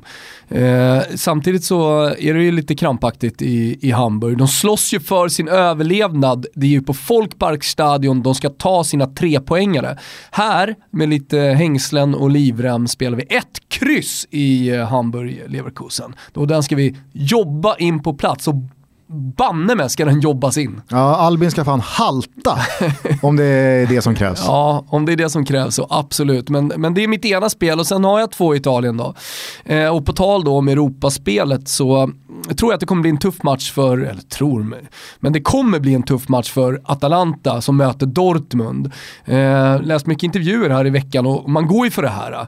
Det är ju jävla häftigt för alla bergamasker att de är ute i Europa nu och de känner det här satsa mycket på den här Europamatchen och då kommer man ju såklart oerfarna av det här, där liksom spelet tre eh, var tredje dag eh, att eh, ha det tufft mot Fiorentina hemma. Fiorentina som blandar och ger. I den här matchen är Fiorentina bra, övertygad om, spelar kryss 2 Eh, då, eh, så kryss räcker även för Fiorentina den här matchen då, som kläms in i Europaspelet. Och så sista spelet då, Bologna. Det är Emilia Derby. Eh, Bologna är ju storebror i, i det här derbyt, möter Sassuolo. Eh, och eh, alltså, även om det har blivit någon torsk för, för Bologna, de är starka på Dalara och de är starka inför sina egna support. Jag tycker att de har ett lag som borde ligga på den övre eh, halvan av tabellen, alltså borde kunna vara med och kriga mot eh, Fiorentina och, och de här lagen. Jag, jag gillar Palacio, Destro och, och, och ligan. Liksom. Så att, det, I den här matchen så tror jag helt enkelt att man bara spänner musklerna, visar vilka som är störst i regionen eh, och vinner provinsderbyt. Så vinst för Bologna mot Sassuolo, kryss 2 i Atalanta Fio mm. och så etta kryss då, då i eh, Hamburg mot kusarna. Själv går jag på målspel den här helgen och eh, jag börjar i Tyskland också eftersom vi ska dit. Jag tror att det blir svängdörrar i mötet mellan Schalke Hoff Hoffenheim. Schalke har ju gått eh, riktigt starkt hela säsongen, gjort eh, en hel del mål, men det är ju eh, Hoffenheim som gör att det här spelet rekommenderas. Det är nämligen öppna spjäll bakåt. Jag satt och mhm. såg Hoffenheim i helgen mot Mainz, slutade 4-2, de kan inte försvara sig, men samtidigt så blåser de bara på framåt. Så jag tror att det här blir en väldigt öppen historia och över 2,5 spelas. Jag tror dessutom på över 2,5 i mötet mellan Marseille och Bordeaux i eh, toppstriden av Ligue 1 om man då exkluderar eh, PSG. Marseille jagar Champions League-plats, Bordeaux jagar Europa League-plats. Bordeaux har fyra raka segrar, gjort jäkla massa mål framåt.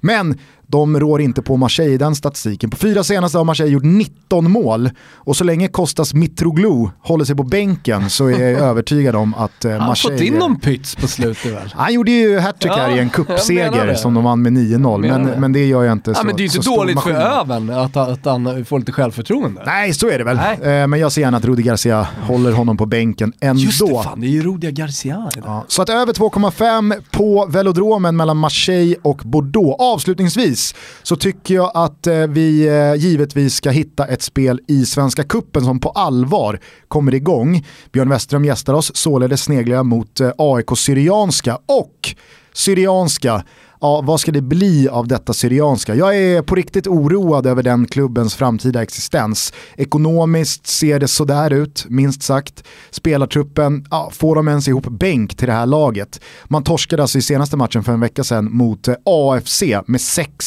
Mm. Jag tror att eh, AIK, hungriga, spelsugna, Björn sitter ju här och intygar om att eh, man är igång. Eh, och alla vet ju vilka offensiva namn man kan mönstra. Så jag tror att målen kommer rulla in i den här matchen. Jag spelar över 3,5 i den matchen. Jag har mm. väldigt svårt att tro att eh, AIK liksom i första matchen för säsongen, man är taggad, man är peppad, man är sugen, stannar av. Ja. Sen så får ju såklart Syrianska gärna göra en eller två kassar om de vill.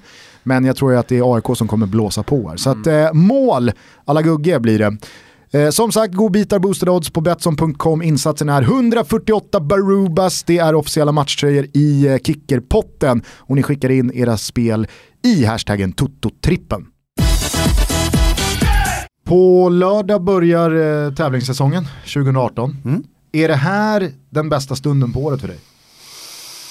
Oj, nej, den är i november förhoppningsvis eh, vad det gäller 2018. Men eh, ehm, det här är ju en, en, väldigt sådär harmonisk del av säsongen där eh, alla med tillförsikt, eh, det, det, har inte tagits ut någon startelva. Det, det är klart att det finns eh, idéer om hur konkurrensen ser ut och sådär men eh, väldigt, ehm, väldigt milda problem.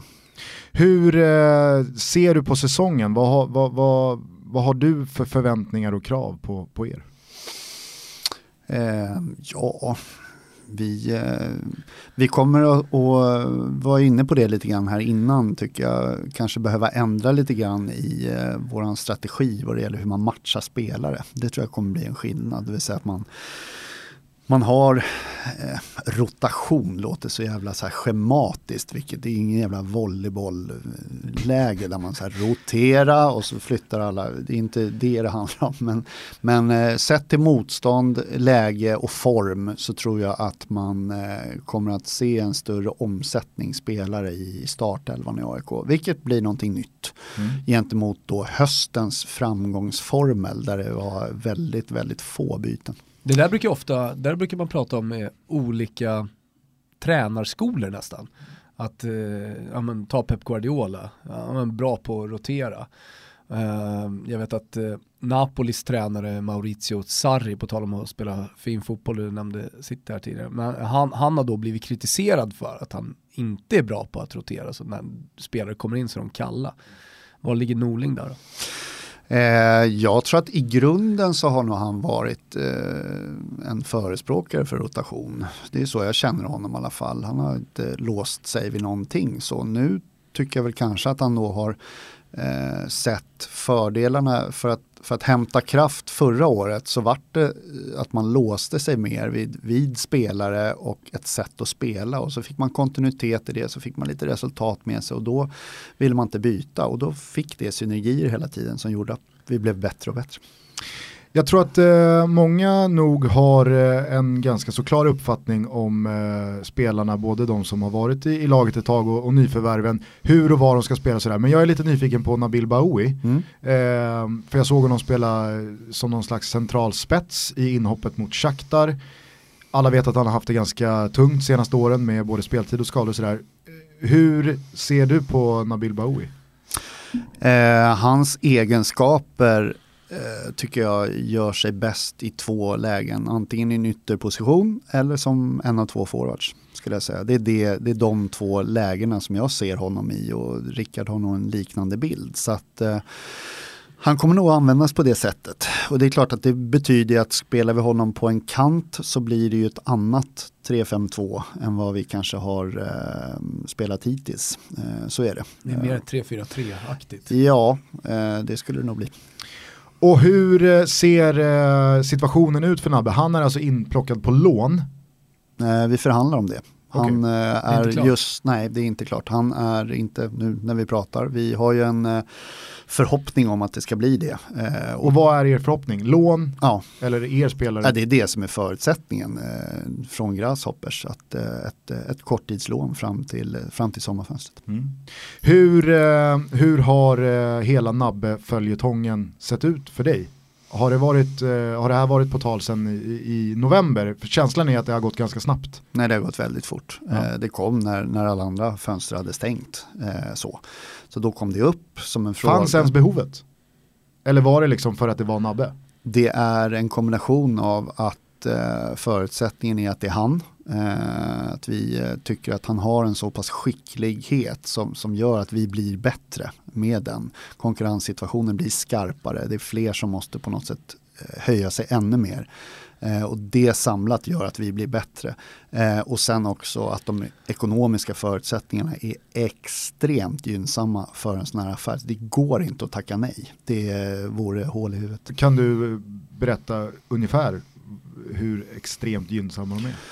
Ja, så det är klart att eh, Grasshoppers står för mycket. Hela rasket? Kanske det. Oj. Eh, jag förutsätter att du har haft eh, kontakt med Alexander Milosevic under januari. Eh, lite tidigare än så var det nog okay. som vi hade en kontakt. Tittar man på truppen och kanske framförallt att Joel Ekstrand har kommit in så är det ju svårt att, att peka på att han behövs men eh, var det nära eller är det nära?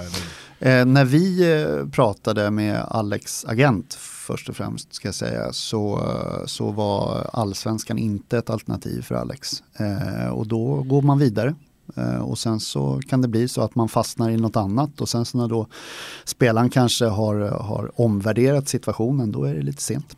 Mm.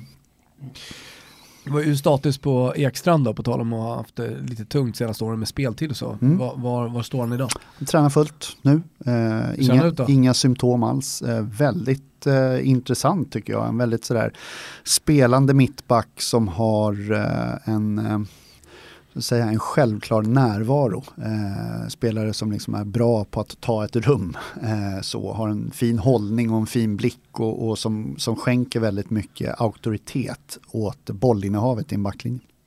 När jag tittar på AIKs trupp i år så tycker jag också mig ha svårt att se spelare som är på väg att lämna eh, i år. Alltså det finns ju andra klubbar till exempel så förutsätter alla att Kerim Rapti, att han skulle ha gått i januari men nu lär han ju lämna i, i sommar. Eh, vi, pratade, vi nämnde Daniel Kindberg, han har ju liksom uttalat sagt att nej, men vi kommer få mer betalt för Saman Ghoddos i sommar och att han ska gå. Finns det några spelare som du ser på i truppen, liksom så här, här, eh, här är planen att ett bra halvår eller ett bra år och sen så, så säljer man spelare? Det är svårt att säga att det är planen, men det är klart att det finns, eh, det finns spelare som har liksom högre försäljningspotential än andra. Så är det ju. Eh, och tittar man per lagdel så är väl kanske Stefanelli den i, eh, i, i forwardslinjen som eh, ligger, ligger bäst till eh, vad det gäller försäljningssummor. Jag tror Kristoffer Olsson är en sån spelare. Har ni haft bud på dem under eh, den här, det, det, här fönstret? Nej, inte bud så att det liksom så här, det här vill vi köpa för, men däremot intresse. Så där, ja, hej, vi är intresserade av att köpa, vad skulle ni kunna sälja för? Och så, ja, säger ni. Säger du, du, du säger inget bud då? Nej, eh, det är ju det är de som vill, vill köpa. Eh, då får de säga vad de tycker att det är värt. Mm. Eh, du avslöjade ju även innan vi eh, körde igång eh, inspelningen här att det finns riskkapitalister med intressen i eh, Nils-Erik Johanssons eh, marknadsvärde. Agent 03 som, som har gjort en jävla massa för AIK eh, under en, eh, ja, för en massa år sedan ska vi säga. De, eh, de har ju fortfarande ett, ett ägande i vår träningsanläggning på Karlberg. De har faktiskt procent kvar i Nisse. Det ser mörkt ut att, att casha in på, på Nisse. Alltså det, man får fan vara tapper om man ska vara hoppfull där. Mm. Hur högt skulle du hålla honom som eh, värvning av AIK? Jag menar ju att det är allsvenskans bästa värvning på 2000-talet sett till vad man har fått ut av honom, vad han kostat och sådär. Ja absolut, eh, helt rätt. Jag ställer mig definitivt bredvid dig där. Eh, oerhört eh, professionell, oerhört värdefull eh, från år till år, blir en brygga hela tiden in i nästa fas för AIK. Ja, han är grym. Inga Buffon-tendenser, vi såg Buffon igår vara lite som en Finlandsfärja när Kane kom och sådär. Inga sådana tendenser på försäsongen? Nej, det tycker jag inte, utan eh, det är klart att, att truppen blir ju bättre eh, förhoppningsvis och, och eh, klarar Nisse av att växla upp med det, då är det jävligt imponerande. Sen så behöver vi nog alla, inklusive honom, ha en mental beredskap för att ja, det finns, ett, det finns liksom en, en mållinje som närmar sig även för honom. Sen förhoppningsvis förhoppningsvis så är den en bra bit bort men eh, jag tror att eh, mentalt så börjar den, börjar den synas någonstans. Och Agent 03 kanske har slutat hoppas? Det hoppas jag inte. Eh, jag, jag tänker bara, Nisse är ju en av få eh, som fortfarande spelar med liksom anor från eh, brytpunkten 70-talet, början på 80-talet sådär. Finns det någonting du upplever i din roll eh, har gått förlorat i det här generationsskiftet, eh, 70-talister, tidiga 80-talister till då 90-talisterna. Jag säga det, Nisse är ju den enda som var med på båda lagbilderna. Han var med på originalbilden och den här ja. reproduktionen. Eh, ja, vad skulle det kunna vara? Nej, jag Förstår du vad, vad, ja, vad jag menar? Precis, nej jag tycker inte det. Jag tycker att ibland så tycker jag att det blir liksom lite för generaliserande sådär. eh, svepande resonemang kring att eh, dagens eh, spelare bara är individualister och sätter liksom namnet på rygget för, eh, för klubbmärket och sådär. Jag, jag, tycker faktiskt inte det. Jag tycker att de är ruggigt professionella och, och brinner verkligen för, för uppgiften i klubben. Eh, så. Och det, är väl, det är väl det som skulle kunna vara någon slags fördom. Eh, sen har det ju liksom, precis som samhället i övrigt, eh, kanske blivit mindre hierarkier eh, kan jag väl se framför mig. Det är inte det är inte lika självklart att det är de unga som bär bollarna eller fyller på flaskorna idag som när du spelar i Nej. Spånga.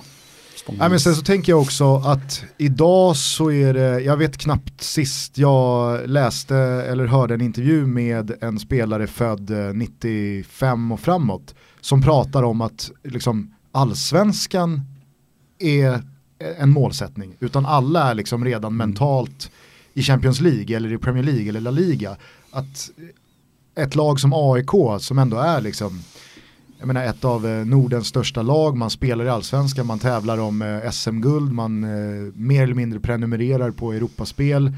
Att det är bara liksom, det, det, är så, det är så långt ner på deras målsättnings... Ja, ja, jag förstår hur... Medan då Nisses generation, alltså så här, ja. jag kan tänka mig att eh, spelare födda mellan 75 och 82, för de är fortfarande allsvenskan jävligt maxat mm. att spela. Det är fan allsvenskan, vi slåss om SM-guld här. Mm. Nej, jag, tror, alltså, jag läste en del av det Bilal Husseini sa när han skrev på för AIK nu. Eh, han är 0-0.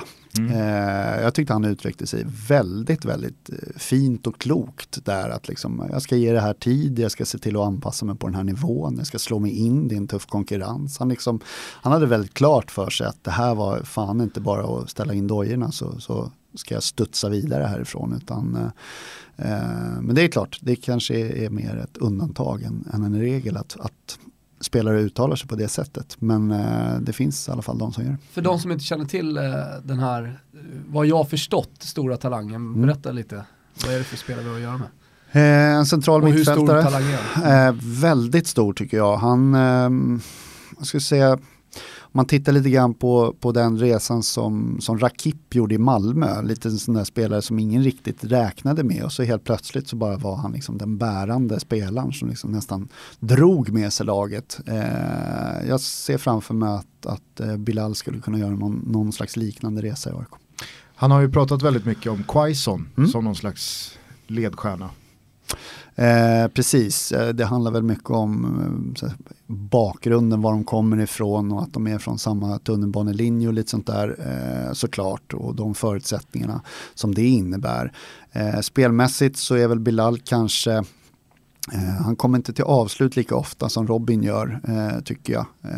men i övrigt så har de en hel del liknande egenskaper. Vi brukar ju, framförallt Thomas, bli väldigt eh, less på folk som eh, dömer ut talang. Att man säger att nej men tåget har gått eller det blev ingenting och sen så kollar man i, i eh, högerspalten och så ser man att spelaren är 20 eller 21. Mm.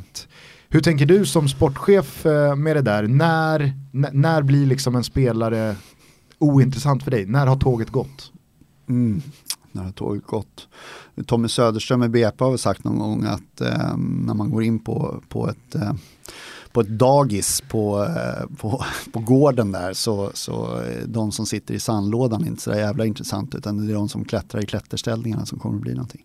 Så det, det är klart, eh, antingen så kan man börja där och säga vilka som blir något. Eller så följer man dem en, en stund till, eh, vilket är att rekommendera. Jag tycker Joel Ekstrand är väl ett bra exempel på det. Nu vet jag många Eh, ja, AIK också kanske, men många som menar på sig vad fan ska man med, med han Jag har varit så skadad och skadebenägen eller ja, inte spelat eh, de senaste åren. Medan jag då återigen lite religiöst säger, men kolla, här är en spelare som ledde Udinese, sen spelade han i Watford, han gjorde, och jag såg väldigt mycket av hans matcher där och vet vilken liksom, talang det är.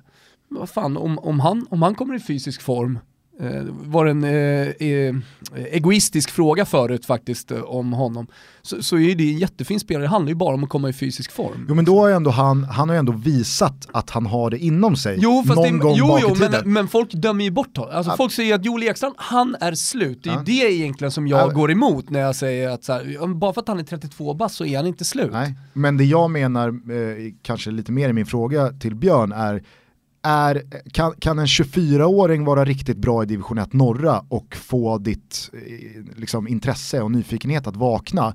Eller är det liksom 24 division 1 norra, nej. Jo, jag tycker att, att de kan vara bra. Och fyll, men då fyller man ju liksom en, någon slags roll. Sådär. Eh, vi värderade ju förra året, liksom under, under perioden när vi skulle ha, vi ville ha in en, en till mittback i AIK för att vi kände liksom osäkerhet lite grann kring Haukers uttagningsbarhet och så utifrån hans fysiska status. Eh, så ville vi ha liksom en spelare som ja, kunde backa upp. Eh, och då pratade vi en hel del om liksom just den här kategorin spelare, lite äldre spelare som finns i Stockholm som liksom är på pappret då slut. Eh, karriären är slut, man kombinerar fotboll med annat jobb och allt sånt där. Känner du dig lite aktuell? Nej men jag känner bara, jag, jag, ömmar, Jag ser det på dig. jag, jag ömmar så mycket för de spelarna som liksom läggs i Björn Weströms fack som, som är märkt slut.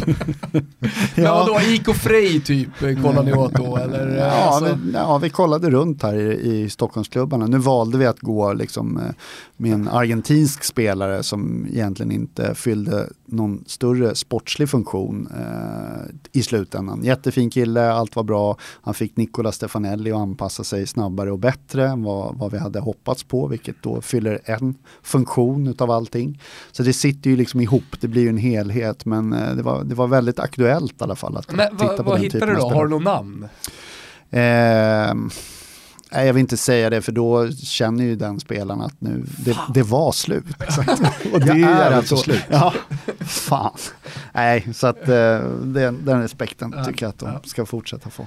Du, jag undrar om, eh, även fast AIK är väldigt eh, liksom, eh, självcentrerade och utåt sett och i sin retorik bara bryr sig om sig själva och sådär. Är det någonting med eh, Allsvenskan 2018, eh, några andra lag eller sådär som eh, har fångat ditt intresse som, som du är lite nyfiken på? Mm, det blir väl lite nymodigheter med, med Thelin i Elfsborg och, och Poja i Göteborg och, och Alm i Häcken och sådär. Det tror jag är, är klubbar som, eh, som tar lite ny fart. Nu gjorde ju Häcken en bra, eh, sin bästa säsong tror jag i Allsvenskan eh, förra året redan. Så att de, de kan nog spinna vidare på det. Men jag tror att mm, det finns en del där som är, är spännande. Sen så finns det väl risk för att en del klubbar kanske är, kommer väldigt långt efter väldigt tidigt. Innan vi får de högljudda Häckensupportrarna efter oss Mm. så kommer de, de, de kom väl tvåa eh, 2011 eller något sånt där. Mm, kan så. Mm. Eh, men eh, hur ser din och Andreas Alms relation ut idag? Eh, ja, respektfull får vi säga så. Eh, jag tycker om Andreas väldigt mycket, både som människa och som tränare. Så att, eh,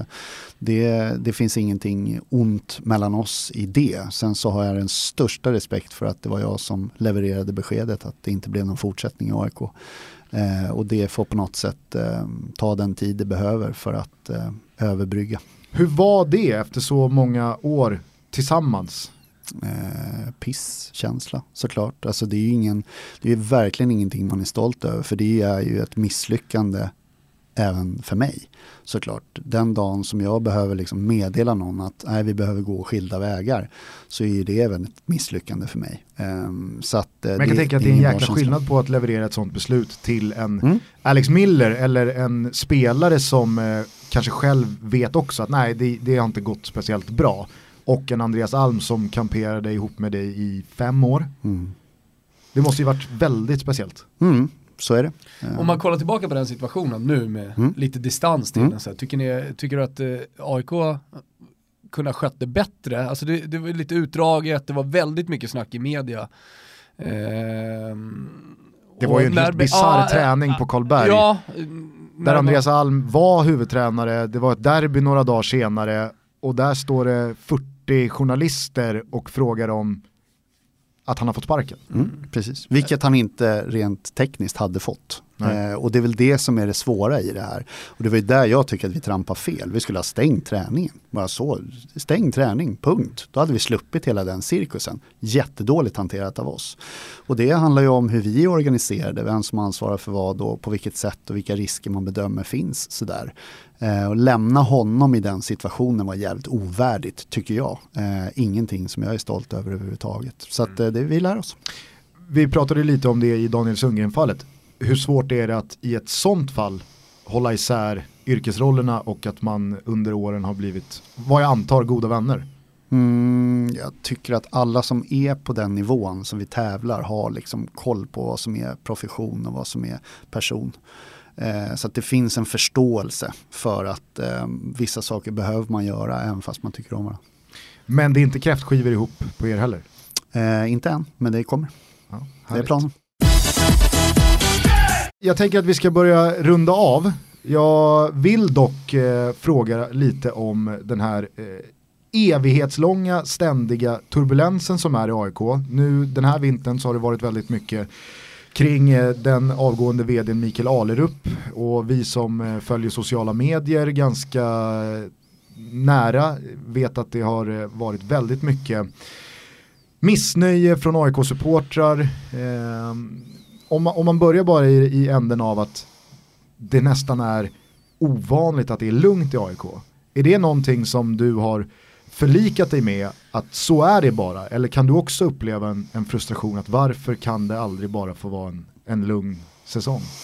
Nej, det har jag nog slutat hoppas på. Eh, då skulle man så att säga dräneras på, på energi om man la för mycket på liksom saker och ting som man egentligen inte påverkar själv. Eh, jag har valt att förhålla mig till allt det här, så att säga, politiken i AIK, om vi, om vi får kalla det för det. Eh, att det som inte handlar om sport och det som inte liksom handlar om 11 mot 11 och, och um, spelare in och ut och ledare och sådär, det, det får, får de som är valda eller anställda för att hantera.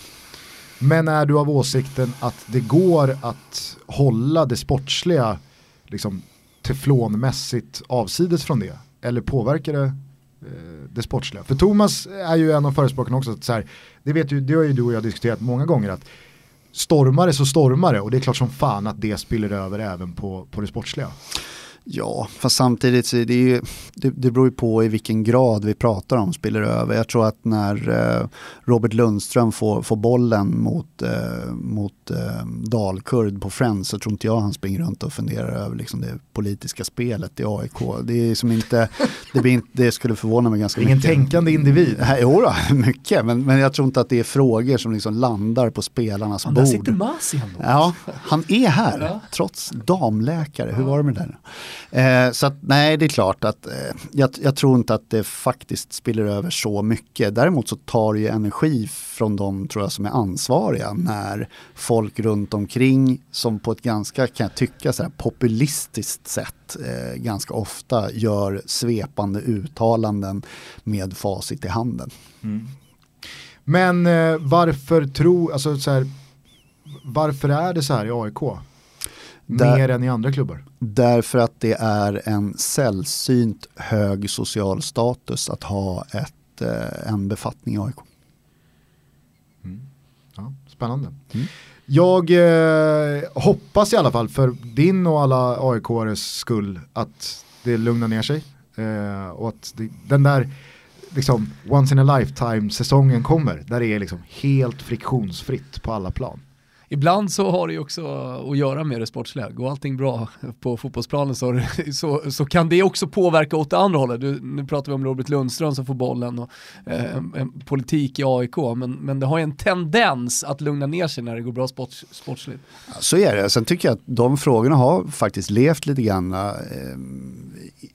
åtskilda just ja. som det har sett ut nu. Jag tycker att vi liksom har med dem, ännu en gång tillbaka till ursäkternas eh, tid här och eh, levererat i förhållande till de resurserna vi har lagt. Jag, jag, tycker att vi har, vi har klarat det på ett bra sätt. Däremot så kan jag tycka att kanske andra delar av klubben inte har levererat på samma sätt vad det gäller engagemang, inflytande, eh, kompetens och, och liksom, eh, vision skulle jag säga. Stort tack för att du kom och gästade Toto Balutto. Stort tack för att jag fick komma. Stort tack Björn. Och stort lycka till med eh, säsongen 2018 som alltså sparkar igång på lördag. Sen är det allsvensk premiär hemma mot Dalkurd. Mm. Spräcker ni eh, publikrekordet som väl är mot Syrianska hemma på Friends-premiären? Ja, då skulle 44 jag... 000. Ja, jag, Jag var en av alla de som satt där och gäspade. Ja, jag med. Eh, vad heter det? Jag skulle bli positivt överraskad, men eh, låt oss slås av häpnad. Gör AIK en bra vår nu eller? Eh, AIK bryter eh, normen och gör en bra vår. Som alla gäster så får man avsluta sitt program med valfri låt. Oj, aha. Så att eh, det kanske är någonting som du lyssnar på eh, idag eller så är det någon gammal så här goding som alltid ligger dig varmt om hjärtat. Oj, eh, vad är det? Vi är ju, då tar vi något med, vad heter han då? Renato Carzone, heter han det? Torero heter låten. Torero Mm. med, Renato Carzone. ja spännande. Eh, då säger vi eh, än en gång då stort tack till Björn Westström och eh, alla ni som lyssnar. Fortsätt att eh, höra av er så hörs vi snart igen. Nu drar du och jag till Hamburg. Mm, första Östersund, eh, så ska vi se när, när, eh, när Arsenal, som jag tror har lite lekstuga där uppe. Hoppas du att Arsenal bara asfalterar Östersund och trycker ner dem i skoskaven? Nej, för helvete. Det är ju högre status för oss om Östersund vinner. Om vi kan hålla lag bakom oss i serien som Östersund slår, då är vi jävligt bra. Ja. Ah, Härligt. 2-0 Östersund, då är liksom AIK, eh, Arsenal en munsbit för, eh, för, AIK. Mm. Eh, Björn, gör oss den äran och eh, avsluta programmet med att säga ciao tutti. Ciao tutti.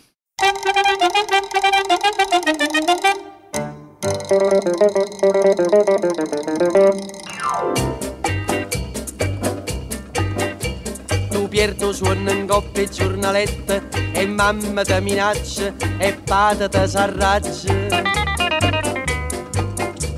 Ti fanno girare capo sti fumetti guardando dentro specchio puoi fare il coreador come fanno a Santa Fe come fanno ad Hollywood e questa scusa in uno studio più oh, torero ti si piazzato in capo sto sombrero dice che si spagnolo è un vero che naccari in da sacca va a ballare mescolando bolerio ciacciacchi un brugliato torero custi basetta sudamericano uno sigari avani a gamma se le picche. Torero torero olè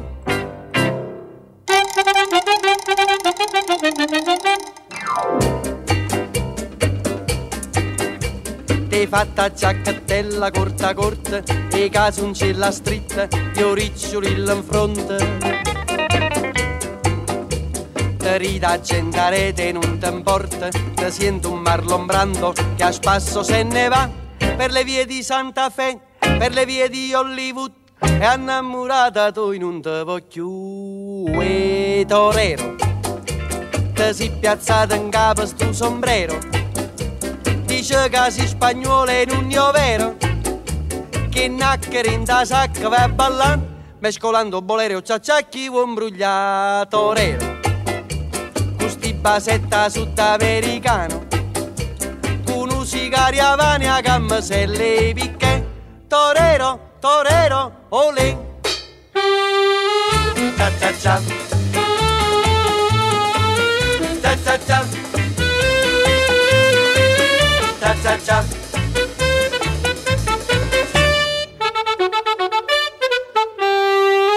Cha cha cha. Cha cha cha.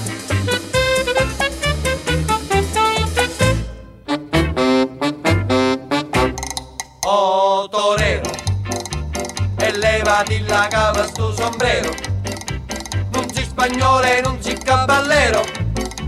Sti nacchere tu non ne sai suonare E sti tu che ne fa belli mamma Torero Sti basetta sudamericano Custu sigari avani a gamma se le picche Torero, torero, olè